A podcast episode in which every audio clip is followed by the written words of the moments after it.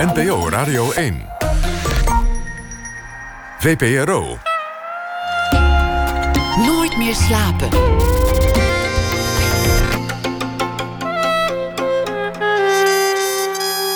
Met Pieter van der Wielen. Goedenacht en welkom bij Nooit meer slapen. Een koude januari-nacht. In Noorwegen, in het stadje Tromsø, boven de Poolcirkel, is de gemiddelde jaartemperatuur 2,5 graden Celsius. En in de winter is het er al geheel donker. In de zomer is het daarentegen altijd licht. En wat dat heeft hier weer mee te maken? Nou, niet zoveel, maar Eline Arbo, die tegenover mij zit, die komt daar vandaan. Studeerde theaterwetenschap in Oslo en daarna een opleiding tot theatermaker hier in Amsterdam. Van uh, Noorwegen naar Picardië kun je ook opgroeien. In een dorp waar de mannen drinken en vechten en iedereen in dezelfde fabriek werkt. Waar banen op de tocht staan en je elke schoolpauze in elkaar wordt gemapt vanwege. Ja, wat eigenlijk? Het is een uh, boek geworden, Weg met Eddie Belgueul, geschreven door uh, Edouard Louis, zoals hij zich tegenwoordig noemt.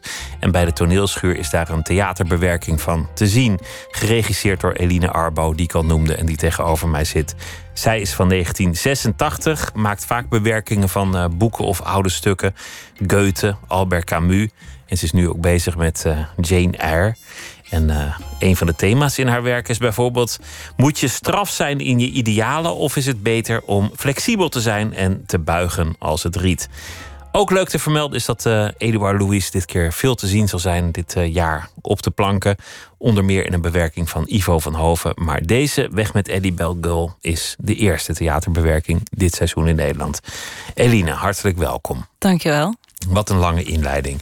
um, boven de Poolcirkel, de, de, hele winter donker, de hele zomer licht. Ja. En een, een gemiddelde temperatuur die, die zelden echt heel warm wordt. Klopt, daar ben ik opgegroeid. Wat kun je verder vertellen over de plek waar je vandaan komt? Het is, uh, ja, zoals je zei, een heel koude, koude plek, donker, uh, maar ook uh, heel mooi. Heel veel bergen.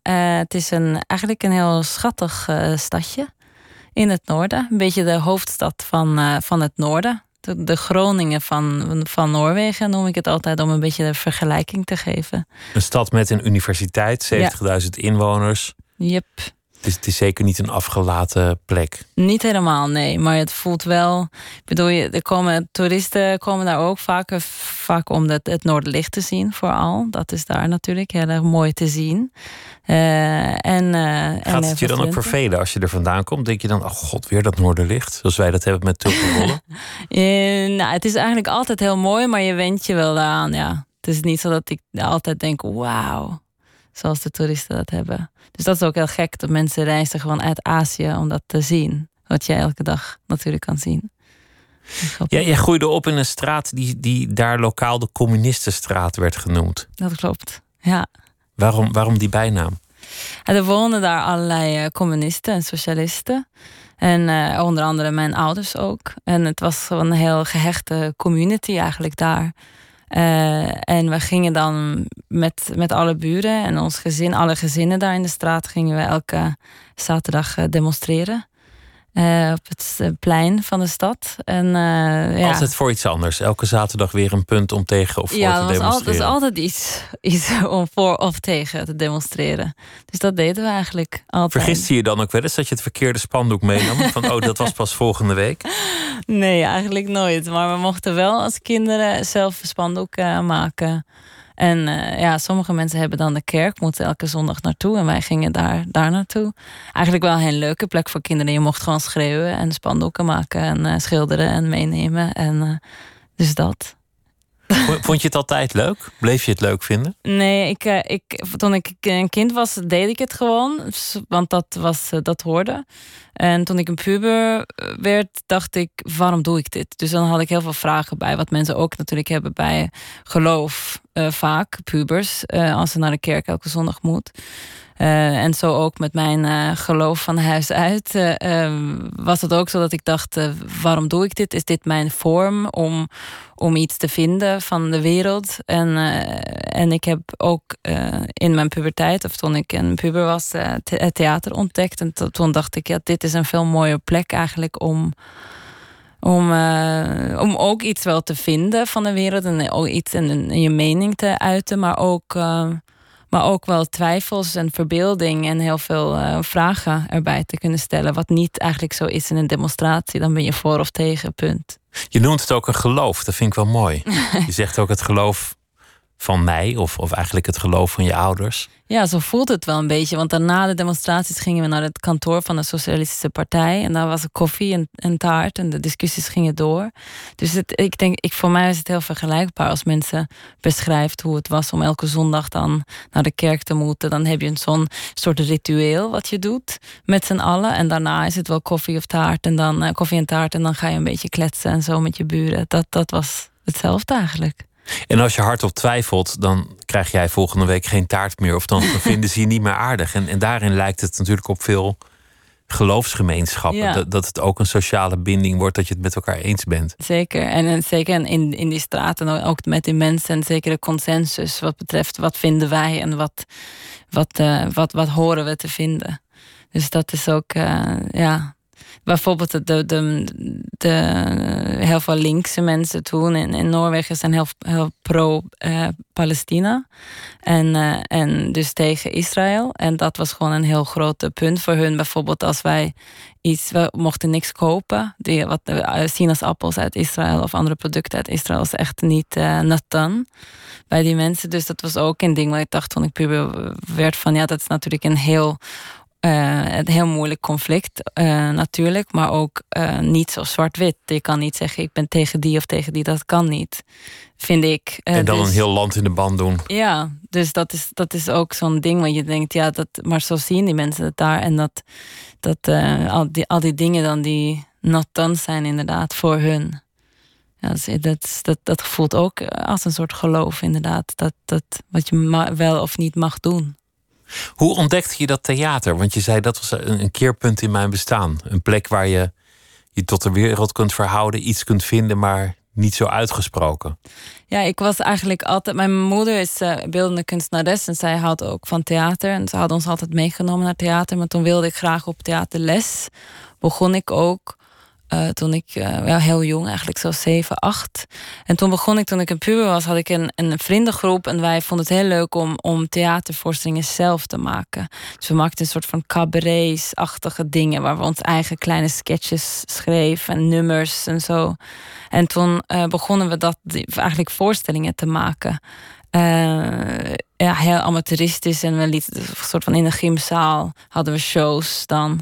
Uh, en, uh, en zo begon het eigenlijk. Dus ik begon een beetje zo met dat theater toen ik, toen ik een kind was. Maar in mijn puberteit werd het echt iets wat ik dacht: oh, hier mag ik ook zelf iets uh, ja, echt iets maken. Dus zelf, we hadden was, waren wel heel veel humorsketches, maar we vonden het wel heel belangrijk om altijd iets politieks erbij te hebben. Het moest wel belangrijk zijn ook. Het moest wel moest iets vinden van de wereld en van wat speelde in de politiek. Dus dat was heel erg, ja, als ik terugdenk, heel schattig, maar ook heel mooi. Want ik mocht dan eindelijk uh, ja, iets echt zelf maken. En zo begon een beetje misschien ook de regie droom. En thema's die in, in de meeste van jouw voorstellingen, voor zover ik weet, terugkomen. Idealisme, hoe zeker moet je zijn van je zaak? Ja.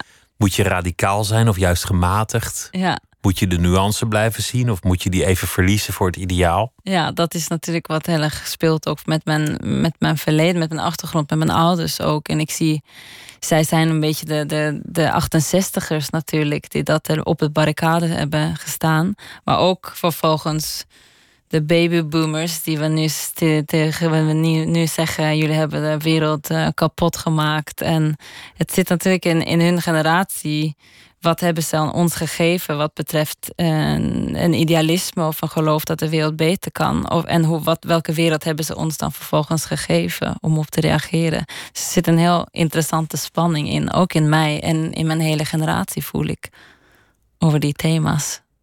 Jouw ouders hebben je misschien wat veel laten demonstreren, maar toch ook een blik op de wereld gegeven waar je de rest van je leven voordeel van hebt. Ja, dat klopt. Ja, en misschien ook juist goed dat ik dan dat het zo'n strenge vorm was, dat demonstreren. Want uh, dat ik daar mee mocht breken en mijn eigen weg mocht vinden, dat is natuurlijk ook heel goed. voor een soort uh, dat je jezelf kan ontdekken van hier kan ik mijn plek vinden, zoals dat theater werd voor mij. Dus dat is wel, dat ja, ben ik dankbaar voor wel. En maar zoals, zoals elk kind heeft van hun ouders, is het zo dat je denkt, ja, dat ik, ik wil dat niet, zoals met een kerk. Ik wil niet jullie vorm van. Bijvoorbeeld kan je heel veel mensen hebben die wel geloof, gelovig zijn, maar die voelen van ja, naar de kerk gaan zoals ik deed met mijn ouders, dat is verschrikkelijk, ga ik niet meer doen. Maar ja, demonstreren, dat blijft natuurlijk. Nu is het. Het was een hele lange tijd eigenlijk, was het niet meer. Deden we het niet meer. Maar nu, eigenlijk de afgelopen paar jaar, is het veel meer geworden. Ook in, in, in de jongere generaties, met Greta Thunberg natuurlijk. En alles wat nu speelt in de wereld. Dus ik voel ook dat een soort revival is van de demonstraties. Het was een soort verwijt aan de millennials. Die klikken alleen maar, die Ja. gaan de straat niet op. Ja. Inmiddels zijn ze wel echt activistisch aan het Ja. worden. En maar dat is alleen de afgelopen paar jaar, naar mijn gevoel. Het is, eh, het is, eh, er werd ook inderdaad gezegd van waar, waar is jullie lef en waar is jullie idealisme en waar is jullie geloof in een betere wereld. Maar nu, ik, voor mij is die heel voelbaar nu. Volgens mij zeggen ze dat over elke generatie trouwens. Ja, dat, ze geen wel. pit meer hebben en Ja. ergens voor staan. Precies. Het, het stuk dat je hebt bewerkt van Albert Camus, Ja, De Rechtvaardigen, ja, dat, dat heeft hij geschreven kort na de Tweede Wereldoorlog. Ja. In de schaduw van de grote ideologie, het communisme, het fascisme. mhm. En dat werpt de vraag op: mag je moorden voor je ideaal? Hoe Ja. ver mag je gaan? Hoe overtuigd moet je eigenlijk zijn van dat eigen gelijk? ja, Is het niet beter om het niet zeker te weten? Om, om laf te zijn eigenlijk? In de ogen van de mede-revolutionairen in dat stuk. ja. Ja, het is een heel mooi stuk inderdaad, die- over, die precies over deze vraag gaan inderdaad. En het is, dat, daar is natuurlijk heel extreem, eh, want het was in wat je zegt net na de Tweede Wereldoorlog. En, maar het, het, het principe blijft hetzelfde eigenlijk. Hoe ver eh, moeten we gaan eh, voor waar we in geloven? En, en nou Greta Thunberg nu bijvoorbeeld, eh 70 jaar of zo later, zegt ja, heel ver. We moeten niet meer naar school, we moeten nooit meer vliegen, we moeten nooit meer vlees eten. Dat zijn natuurlijk stellingen wat, eh, wat alleen een paar jaar geleden misschien een beetje extreem zou lijken, maar nu heel normaal is voor heel veel jonge mensen. Wat zij zegt is eigenlijk: je moet jezelf zuiver houden. Ja. Niet meegaan in het systeem dat corrumpeert. Ja, maar ook je moet persoonlijke eh, opofferingen doen. En dat is natuurlijk iets wat wij niet gewend aan zijn de laatste decennia. Als we denken, nee, maar wij moeten juist de vrijheid hebben om te, te, te kunnen leven zoals we willen. En willen we elke dag vlees eten? Nou ja, dat is, eh, dat is mijn goede recht. En zij zegt eigenlijk, we moeten minder comfortabel leven. En dat is een heel moeilijk vraag. Hoe sta jij daarin? Want, want het lijkt me ook een beetje de lucht van je jeugd. Het grote gelijk dat daar over je wordt uitgestrooid. Eh, ik denk zeker dat we, dat we meer persoonlijke opofferingen moeten doen. Ik denk dat we niet zo in die zin vrij, vrijheid is misschien niet een goede woord daarvoor, maar zo luxe misschien kunnen leven. Ik denk dat we niet eh, eh, elke vakantie ergens heen moeten vliegen. Ik denk ook dat we minder of geen vlees moeten eten met z'n allen. Dat denk ik zeker. Offers brengen voor een betere wereld. Dat denk ik, ja. voor, voor het klimaat. Ja, dat denk ik. Hoe kwam je in, in Amsterdam terecht? Wa- Want je hebt in Oslo gestudeerd. Ja. Ik, ik had theaterwetenschap gestudeerd in Oslo en ik was eigenlijk de hele tijd eh, regieassistenties aan het doen. Dus bij regisseurs heb ik de assistentie gedaan. En eh, ik was nooit op het universiteit eigenlijk. Eh, en ik, ik schreef alle mijn, mijn hoe heet dat, essays gewoon 's s'nachts thuis, als ik niet in het theater was. En eh, toen dacht ik, oh, ik wil eigenlijk regie studeren. En toen eh, wist ik dat in Noorwegen was het een regieopleiding. Die, eh, die is heel erg gericht op de Stanislavski-methode. dat is een Russische theaterpedagoog. En dat is, gaat veel meer over het psychologische theater. Dus het is, wordt, alles wordt psychologisch benaderd. En dat had ik niet zo, zo zin in. Ehm, want ik dacht, ja, je kan toch ook veel meer eh, magische dingen in het theater eh, beleven dan alleen dat heel pure psychologische aanpak. En dan had ik veel geleerd over de Vlaamse en de Nederlandse theater. eh, ja, via eigenlijk theaterwetenschap. We hadden een professor die, die was helemaal tegen Stan, fan en Discordia. En dus zij was dol op die, die Vlaamse en Nederlandse collectieve theatergroepen. En toen was ik daar, leerde ik heel veel over de Nederlandse theatercultuur. En dacht ik, ja, Nederland, dat is een goede plek om te zijn. Ook omdat je hebt dan de psychologische, waar de Scandinavische scholen heel erg uh, zijn. En bij de Duitse in het Duitse theater heb je dat, de, de regietheater eigenlijk, waar de regisseur is de koning vaak, of de koningin, heel soms. Uh, en dacht ik, ja, Nederland, dan heb je en de regie aanpak, maar ook een soort collectief samen. Collect, ja, er, is een heel grote cultuur voor, voor collectief werken. En voor verbeelding en beweging. We hebben hier de mimopleiding natuurlijk, wat heel eigen is aan de Nederlandse uh, theatercultuur. Dus toen, dat sprak me heel erg aan. En dan heb ik auditie gedaan, ben ik aangenomen. Ik was vrijdag bij de repetitie voor dit stuk. En dan zag ik jou ook aanwijzingen geven. Mhm. Iets minder dan je misschien normaal zou doen, omdat er mensen keken. Maar, maar ik meende te zien dat, dat je ook heel erg op een collectieve manier werkt. De productie is van iedereen. Iedereen maakt hem zich eigen. Het is bijna alsof iedereen meeregisseert. Je hebt wel heel duidelijk een visie. Je geeft wel heel duidelijk aan wat wel en wat niet. Maar, maar je bent niet de grote leider die, die op een autoritaire manier dat aan anderen mee probeert te geven. Nou, ik geloof, nee, ik geloof wel echt in dat, uh, dat, dat, dat het belangrijk is om te proberen en, en eigenlijk een collectief te maken. En dat de acteurs weten waar ze in staan en weten waarom we dit maken. En dat ze ook uh, hun eigen. Um, ja, hun, hun makerschap eigenlijk mee kunnen brengen in het proces. Dat vind ik heel belangrijk. En ik denk dat je net zoveel kan bereiken met een autoritaire toon uh, of een autoritaire stijl als regisseur. Uh, als met, met het samenwerken. En, en mensen proberen gewoon het beste uit de mensen te halen. Dat ze voelen, oh, dit is een project ook van mij. Dus iedereen leest het boek, iedereen praat ja. over wat ze ervan gevonden hebben, relateert het aan zijn eigen leven. Ja, veel of haar gesprekken. eigen leven. En, en dan ja. gaandeweg ga je aan de slag. Ja. ja. En die meme zag ik ook, want, want dat hebben jullie niet vrijdag gerepeteerd, maar er zit een vrijscène in het, in het boek. Mm -hmm, ja. En dat, dat is, dat is heel, heel visueel, heel ja. fysiek. Ja. Zonder tekst, met, met, met licht dat je niet alles kan zien. Mm -hmm, dat, dat, is bijna een dansvoorstelling. Ja, er zijn wel uh, elementen van, van beweging in. Ik werk vaak met tekst en beweging en muziek als elementen in de voorstelling.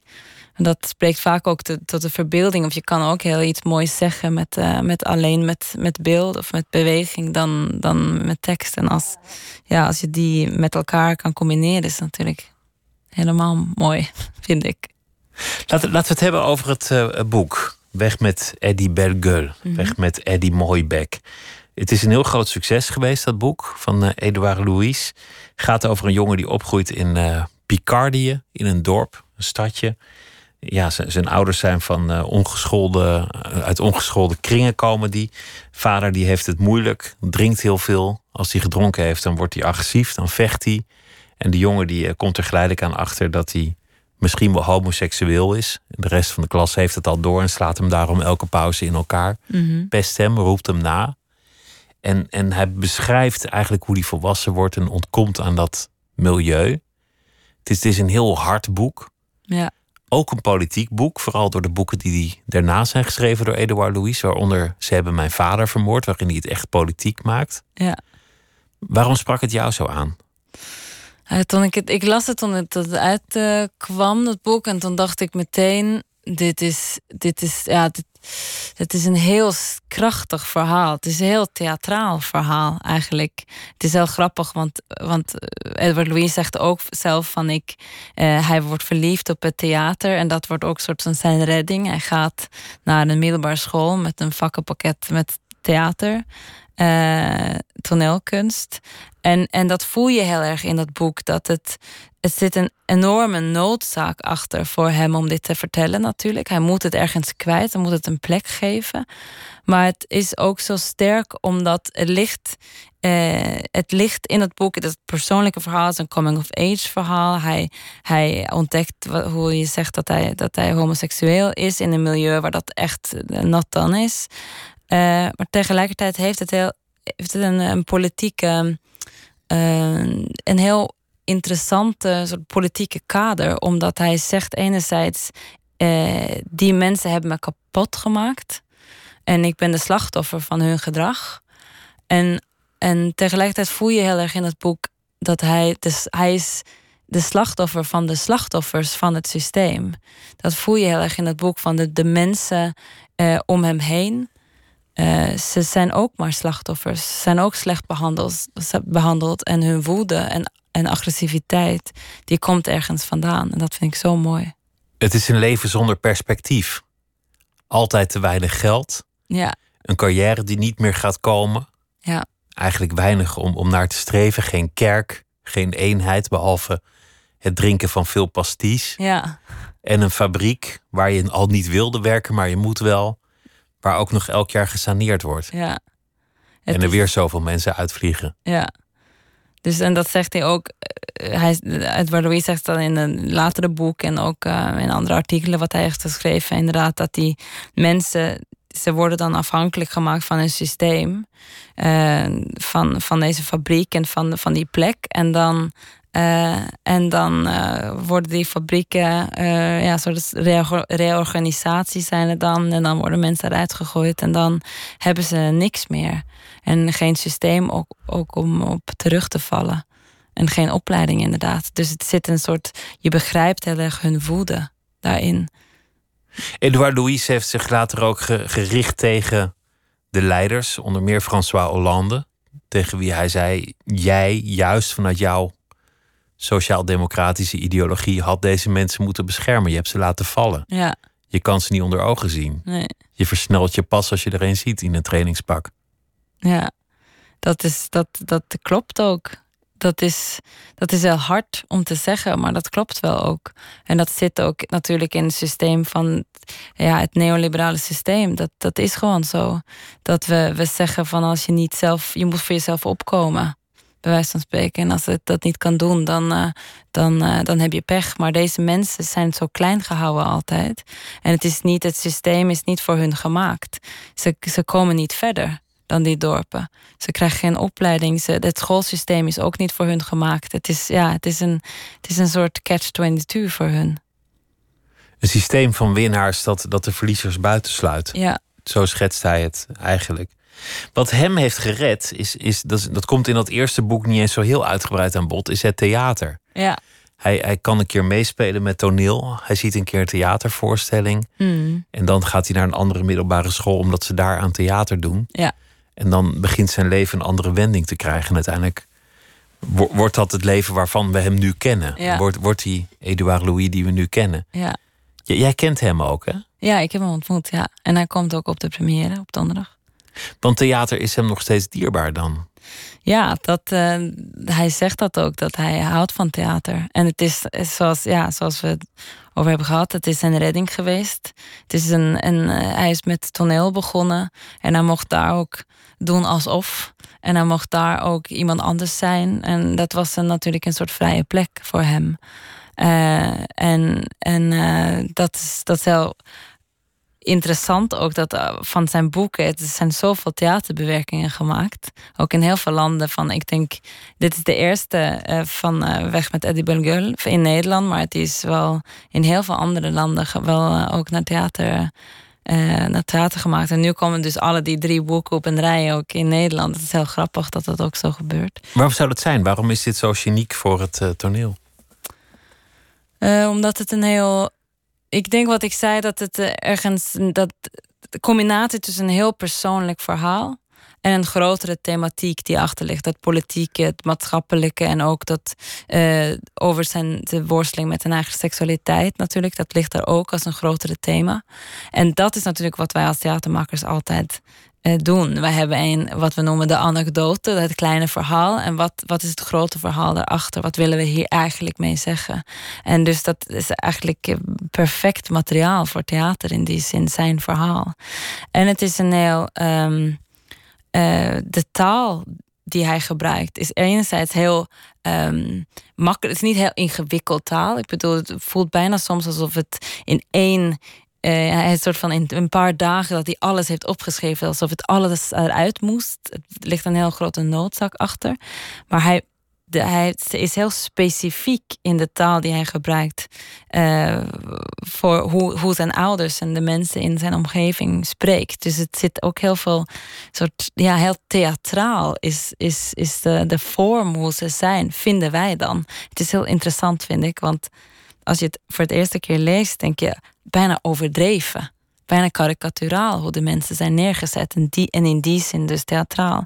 Maar hij zegt zelf daarover, maar zo zijn ze. Dit is geen karikatuur, dit zijn de mensen. Zo was het echt. Ik, toen, ik het, toen ik het eerst las, dacht ik, het is een afrekening. Maar, maar tussen de regels lees je juist ook heel veel liefde. Ja. Dat, dat, zit er, dat ligt er niet dik bovenop. Maar bijvoorbeeld als hij naar die school wil vanwege de theaterklasse. Dan zegt zijn vader: Denk me niet dat ik je daar naartoe ga rijden. Daar ga ik geen benzine aan verspillen. Ja. En dan op een zeker ogenblik dan besluit die vader hem toch te rijden. Wat een, wat een gebaar is van liefde uiteindelijk. Zo zitten er meer van die, van die handreikingen in die je wel moet kunnen lezen. Mm. Omdat ze ook niet heel uitvoerig worden gebracht. Maar dat is heel, heel, mooi. Je voelt de liefde van, van de ouders. Dat is heel belangrijk ook. Het is niet zo dat ze, dat ze denken, uh, we vinden hem niks. Of ze willen hem juist helpen. Dus dat zij ook zegt tegen hem, ze, ze zegt, hou op met die anstelleritis en je bent echt een grietje. En ze zeggen die dingen tegen hem, wat natuurlijk heel erg is. Uh, voor een zoon om te horen. Uh, maar het is, ze, ze zeggen eigenlijk ook: Ik wil niet dat je anders bent, want wij weten hoe het is om anders te zijn dan wat de maatschappij. We zien ook wel dat mensen kunnen op vakantie kunnen. We zien ook wel dat mensen geld hebben voor dit en dat, maar dat hebben we niet. Wij zijn anders. We willen niet dat jij anders bent. Dus het is ook een heel mooi. ja, mooi parallel tussen de, de, het lot van die ouders, wat zij hebben meegemaakt, en wat ze dan eigenlijk. Ze proberen hun zoon eigenlijk te beschermen op een heel onhandige en niet fijne manier. Maar dat is wel, dat zit wel liefde achter. En die zoon wordt gedwongen te acteren. Op school moet hij doen alsof hij van meisjes houdt, alsof hij van voetbal houdt. Ja. Dat is ook een theatraal element. Ja. Hij moet al steeds acteren. In de voorstelling heb jij ervoor gekozen om niet rollen te verdelen, maar iedereen speelt eigenlijk om de beurt andere rollen. En dan heb je één verteller die de lijn vasthoudt. Ja. En die vorm die werkt wel heel mooi. Maar, maar wat, wat, was voor jou de gedachte waarom je het zo wilde doen?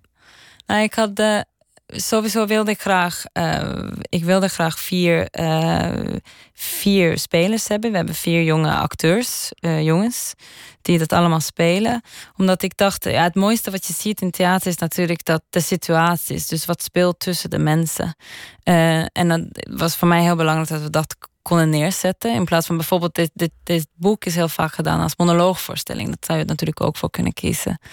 Uh, maar voor mij was het heel belangrijk om juist de situaties tussen de vader en Eddie, of tussen de moeder en Eddie, of de pesters en zo, om dat te kunnen neerzetten op, op toneel. Uh, dat was één van de redenen. Een andere reden was dat uh, voor mij was het belangrijk om ook te zeggen: dit is het verhaal van, van Edward Louis. Het is een persoonlijk verhaal, maar het is ook een verhaal van, van heel veel mensen, van zoveel. Dus het is, een, het is een heel universeel verhaal.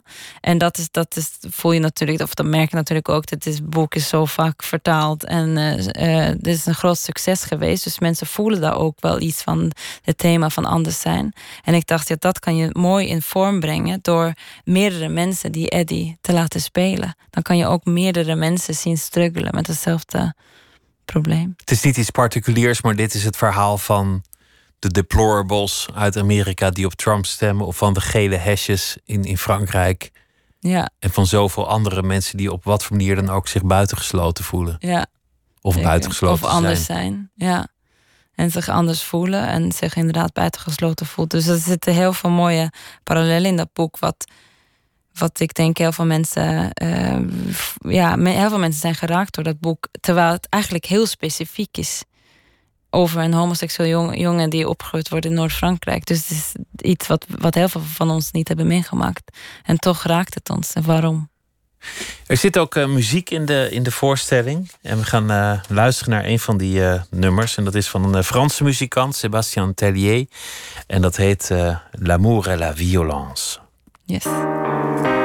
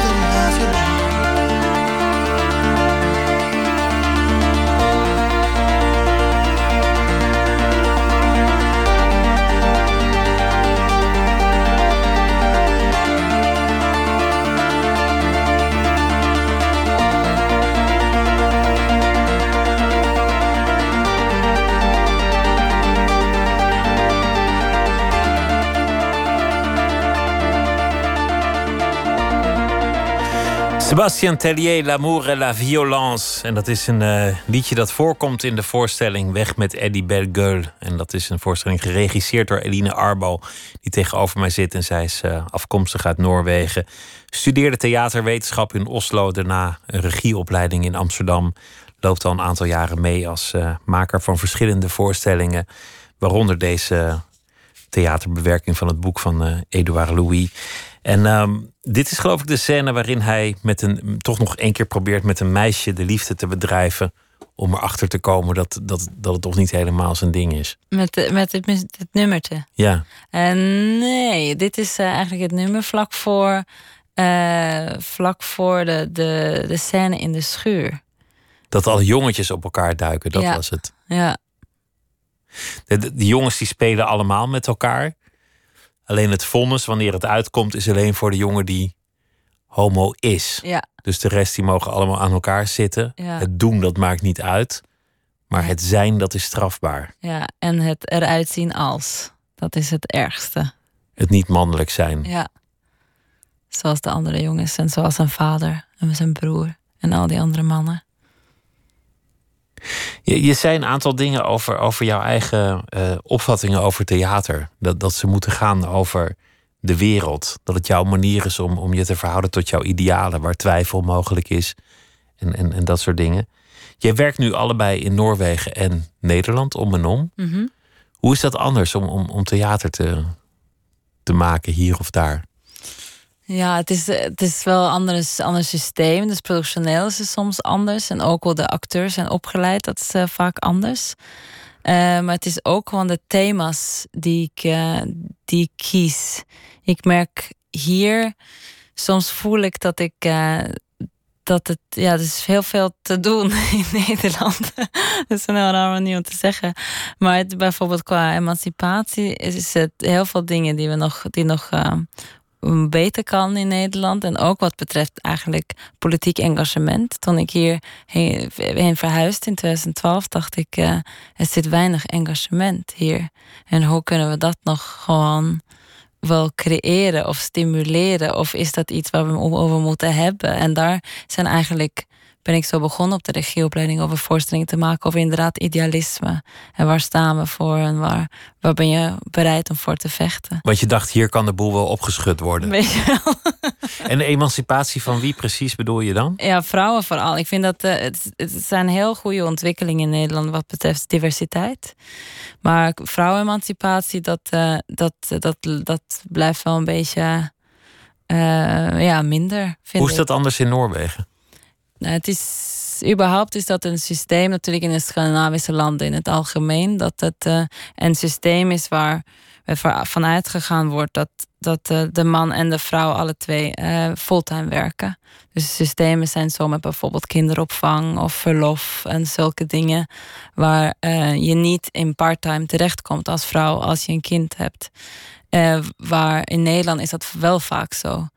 Uh, en dan is natuurlijk ook uh, de mogelijkheid voor een vrouw om überhaupt in een, in een leidinggevende positie te komen of zoiets om te kunnen klimmen, zeg maar. Is natuurlijk veel moeilijker als je parttime werkt. Nou ja, al die dingen. Uiteindelijk kom je op neer dat bijvoorbeeld voor mij in mijn uh, in het theatergebied, daar heb ik heb ik weinig uh, vrouwelijke uh, voorbeelden. Vrouw, vrouwelijke regisseurs die artistiek leiders zijn. Of die, die regisseurs zijn met kinderen bijvoorbeeld. En dat van, heb je... van de generatie boven jou. Want, Ja. want in jouw generatie heb ik juist de indruk dat de meeste jonge regisseurs weer vrouw zijn. Dat, Ja, dat dus het dat is heel- omgedraaid Heel is. goed. maar, we moeten, na- maar, maar het is nog, denk ik, altijd zo dat, de, dat de- op de opleidingen zitten veel meer vrouwen dan mannen. En toch komen de mannen aan de, aan de roer aan het eind. Dus zij hebben de, leidings, de leid- leiderschapsposities. Dus dat vind ik ook interessant hoe dat dan gaat. Hoe werkt dat dan? Ja, hoe werkt dat dan? Maar je hebt het wel zien gebeuren. Hoe, hoe gaat dat? Dat weet, ik weet niet wel hoe het, eh, hoe het komt. Dat, eh, het is, zit een, en ook een cultuur, maar ook wat ik zei over, eh, over tijd. Heb je tijd om daar überhaupt zoveel te kunnen werken? En moeten we dan niet een systeem creëren waar dat mogelijkheid, mogelijk is om, om, om zoveel tijd te kunnen, daarin te kunnen steken, ook als vrouw? Daar zit wel een soort kloof. Is toch werk te verrichten. Ja. En je zei, ik miste ook een beetje het engagement in het Nederlands theater. Dat, dat zag ik eigenlijk Eh, niet zo. Ja, in het theater. Ik vond in het algemeen in het, in het, in de, de- in het land, in het algemeen, zonder alles onder één kan. Maar ik, ik voelde van eh, dat het wel minder engagement hier was. Of wel misschien een gevoel van dat het, dat het, het idee dat het, Den Haag is heel ver weg en we weten niet wat ze allemaal daar doen. Zo een beetje het gevoel. Terwijl Noorwegen is natuurlijk een heel klein, schattig land. In de zin van, in, ja, van, van inwoners in ieder geval. En iedereen voelt wel van eh, als we iets echt willen met z'n allen, dan kunnen we dat wel, de, de, regering en de, de, de macht. eh, eh, de machthebbers kunnen we wel laten weten wat we vinden. Terwijl dat is, voelde ik minder zo in Nederland. Maar dat is wel ook veranderd wat we hiervoor over hadden. Dat het de afgelopen paar jaar denk ik, wauw, er demonstreren zoveel mensen. En ze laten ook op andere platforms eh, zien wat ze vinden van, eh, van wat er allemaal nu gebeurt in Nederland. Dus het, het voelt ook dat het aan het veranderen is. En in het theater zeker. Ja, er is heel veel politiek engagement nu in het theater, naar mijn gevoel. Het is nog moeilijk een kaartje te vinden voor een, voor een eenvoudige liefdesvoorstelling. Ja, dat is waar. Dat is heel goed. Toch? Of vind je het niet? Nou, ik ben van de stroming laat duizend bloemen bloeien. Wat betekent dat? Nou, laat alles naast elkaar bestaan. Zo, een ja. voorstelling over de liefde en een voorstelling over politiek. Ja, tuurlijk. Dat vind Niet ik wel. alles hoeft geëngageerd te zijn. En trouwens, iets hoeft ook niet altijd zo duidelijk te zijn. Want te geëngageerd theater is, is te duidelijk, te letterlijk. En Ja. daarmee vaak stom vervelend. Maar dat, dat denk ik wel ook een soort opvatting is dat heel veel mensen hebben. En daarom vinden ze eh, een soort politiek geëngageerd theater een beetje stom. Want dan denken ze, ach, dan krijg ik een heel soort moralistisch verhaal. Of ik krijg een verhaal wat een heel duidelijk moraal achter zit. Van dit, dit moet je wel vinden hiervan. Of dit moet je vinden van de wereld. En dat is natuurlijk ook niet de bedoeling. Dus het is wel. Dat hoeft ook niet. Zo hoef je het niet te doen. Nee, helemaal niet. En ik denk daarom, dat is een beetje soort, wat ik, hoe ik het zie, een beetje zo jaren zeventig politiek theater. En terwijl ik voel nu dat heel veel theatermakers juist politiek geëngageerd theater maken met, met heel veel verbeelding en wat, ja. En, en, en heel veel vragen in plaats van dat alleen maar dit vinden we en daarom is dit nu een politiek theaterstuk. Nu gaan we de hele zaal eens lekker uitleggen waarom wij gelijk hebben. Precies. Ja, dat, dat, is niet hoe je het moet doen. dat denk ik niet, nee. Je kiest vaak voor, voor in, in dit geval niet, maar hiervoor wel, voor oude stukken, oude boeken, oude toneelstukken. Mhm. Albert Camus noemde ik al, maar ook Goethe, Goethe, ja. Het lijden van de jonge Weerte. Dat is een, dat is een stuk van, van meer dan 200 jaar oud. ja. Een stuk dat vaak is opgevat als een liefdesverhaal, als een, als een mislukte liefde, maar er zit veel meer in. Ja, Er zit, er zit toch ook een soort thema in van hoe je in de wereld moet staan. Moet je radicaal zijn of gematigd? Ja, ik vind het, ja, het is een heel mooi, eh, mooi verhaal. Voor Werther is eigenlijk een jongen die een beetje zoals eh Eddie Bellegueule niet zijn eh, plek kan vinden op een of andere manier. Hij wil niet leven zoals hij hoort te leven. En, eh, en hij weigert eigenlijk om een, om een eh, normaal leven te hebben in die zin. Hij wil, hij, wil, eh, hij wil radicaal leven. Hij wil helemaal leven of niet. En dat is, vind ik, een heel. Hij is een heel idealistische jongen ook. En hij ziet de wereld een beetje anders, maar daar gaat hij ook ten onder. Maar het is, het is in die zin een, een, ook ergens een politiek, poli- politiek verhaal. Of je kan zeggen, het zit in het stuk. Wat ik heb gedaan is dat eh, ik heb het bewerkt en ik heb ook eh, teksten toegevoegd. Om dat juist een beetje helder eh, te laten uitkomen in de bewerking. Dus Wat, wat moedig is om, om aan de grote Goethe iets toe te voegen.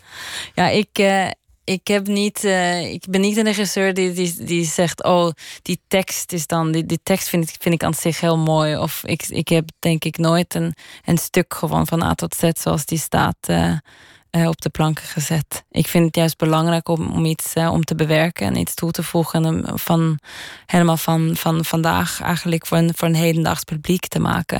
En ik zie die oude klassiekers, de, de oude stukken, eigenlijk als sprookjes. Als soort, we hebben een soort verhalen die, die in ons culturele geheugen zitten. En die kunnen we zeker gebruiken als, als, eh, als een begin van, eh, van, eh, van een vraagstuk, een groter vraagstuk. En dan kunnen we zeggen, dit is de anekdote. Dan gaat het over iets groter. Maar ik ga niet een stuk doen alleen omdat het stuk eh, mooi is. En, en, en bij Goethe, hoe, hoe zag jij dan dat thema van hoe je je tot de wereld moet verhouden?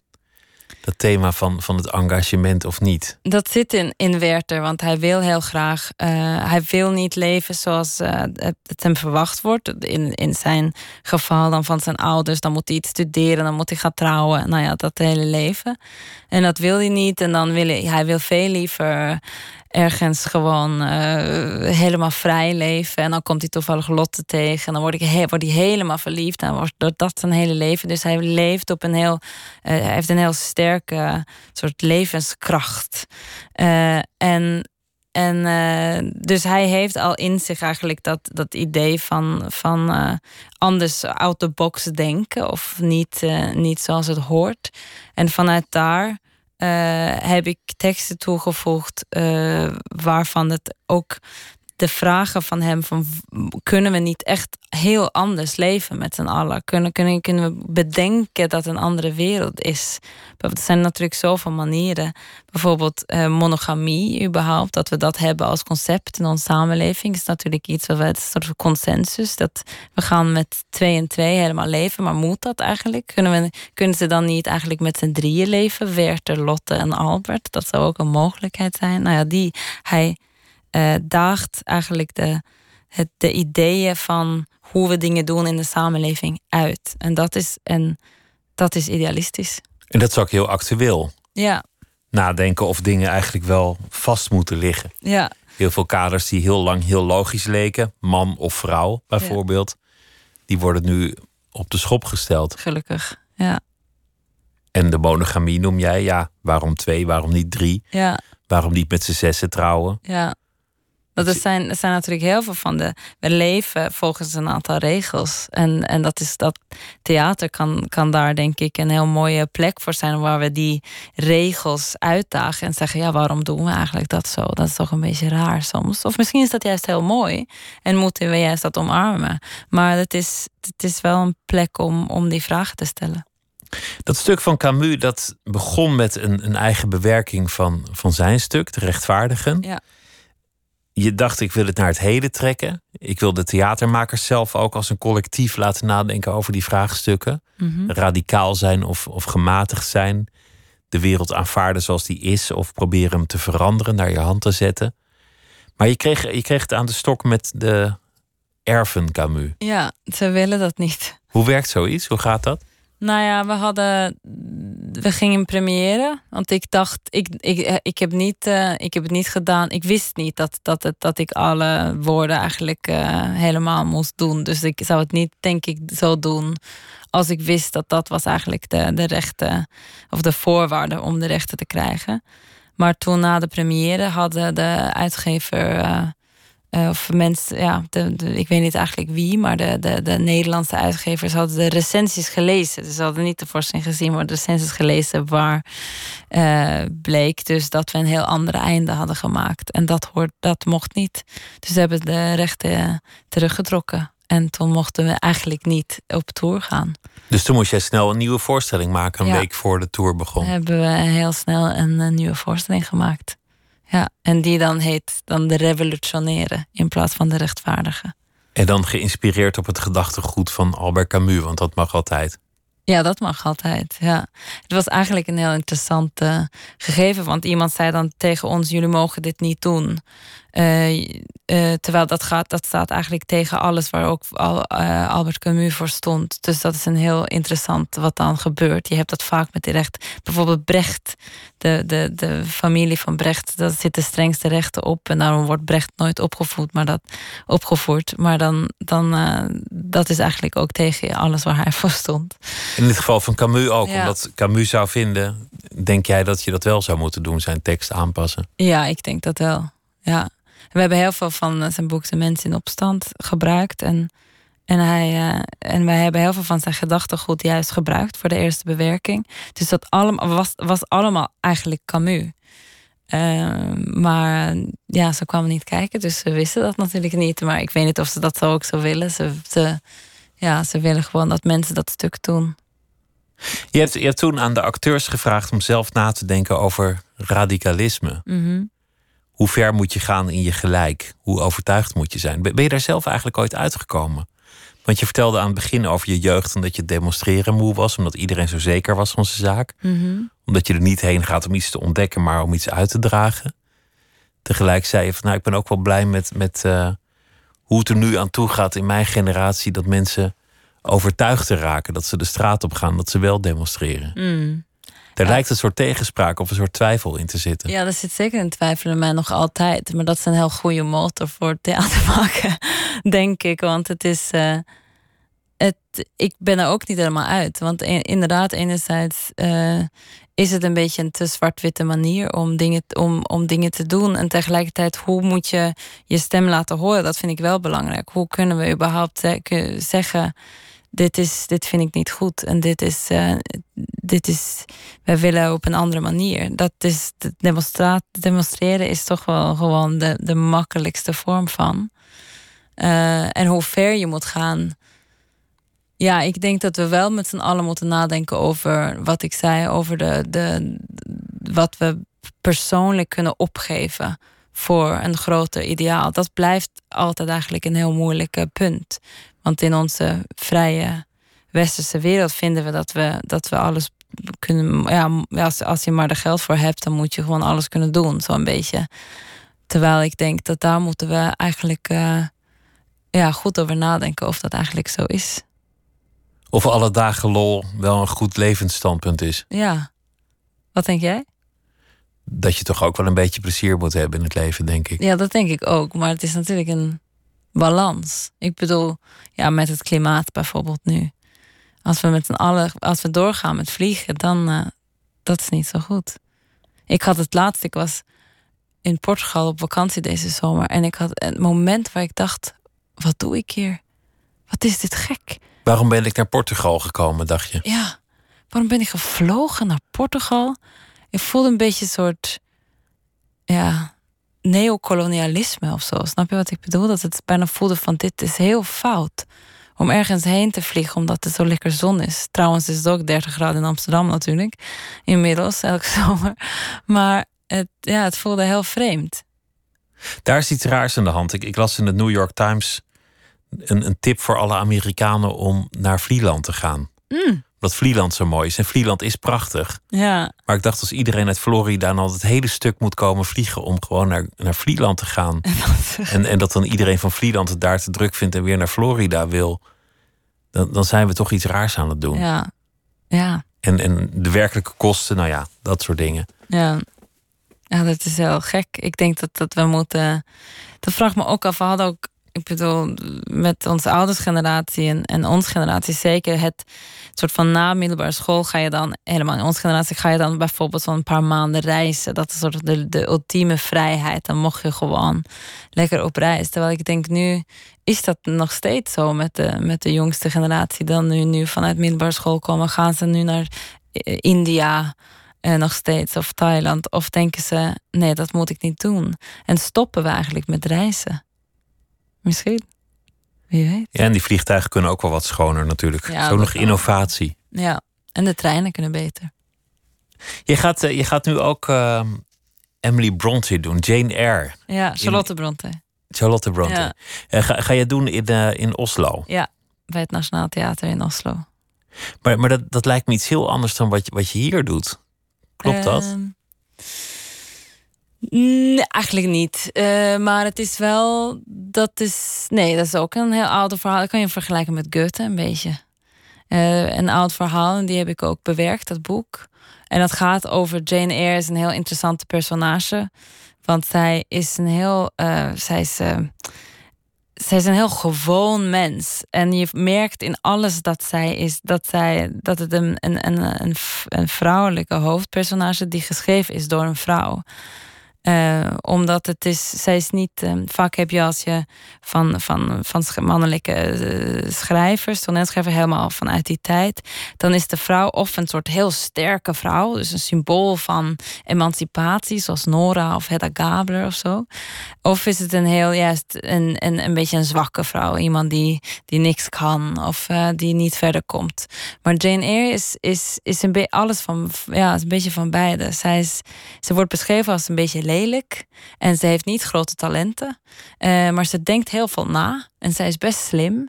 Eh, dus zij is een, een heel divers persoon, eigenlijk een mens op toneel. En dat zie je bijna nooit met vrouwelijke personages.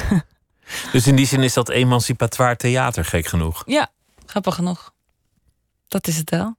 Waarom wil ik dat in Noorwegen? Daar is het al zo goed. Nee, nee het is wel zo dat het zijn natuurlijk thema's waar ik op terugkom. En ik heb ehm, met Jane Eyre had ik eh, ook het idee van dit is wel belangrijk ook om hier te vertellen. Want het is, je kan, ik heb net gezegd dat eh, Noorwegen zo'n paradijs is- wat de emancipatie betreft.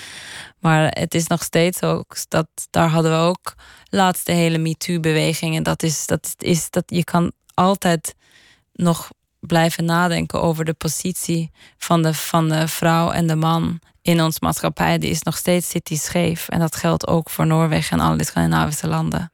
Zoals hier. En dat vind ik een. Die personage, Jane Eyre, het is haar.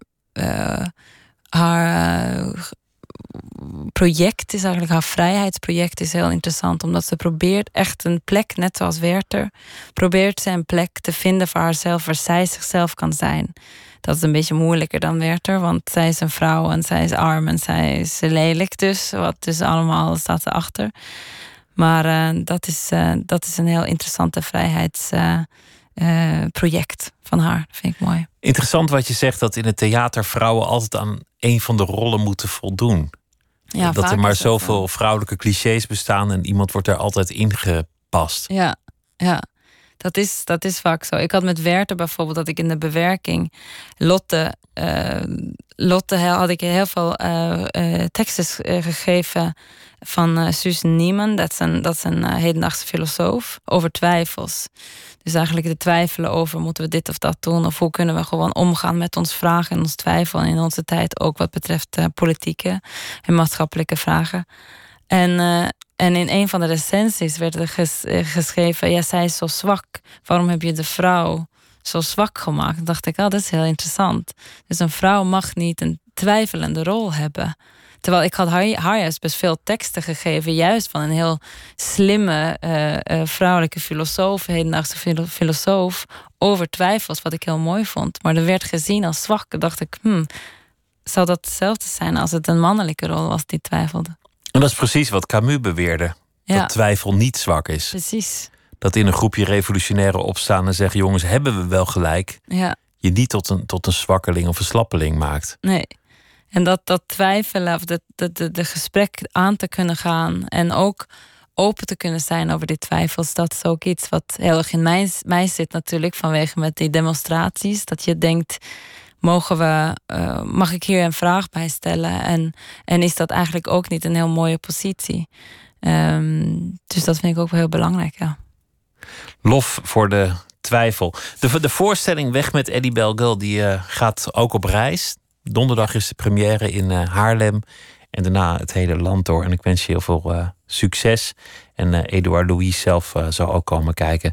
Eline Arbo, dank je wel dat je langs wilde komen. En ik wens je heel veel plezier met deze voorstelling en alle andere voorstellingen die je nog gaat maken. Dank je wel. En zometeen kunt u luisteren naar Miss Podcast.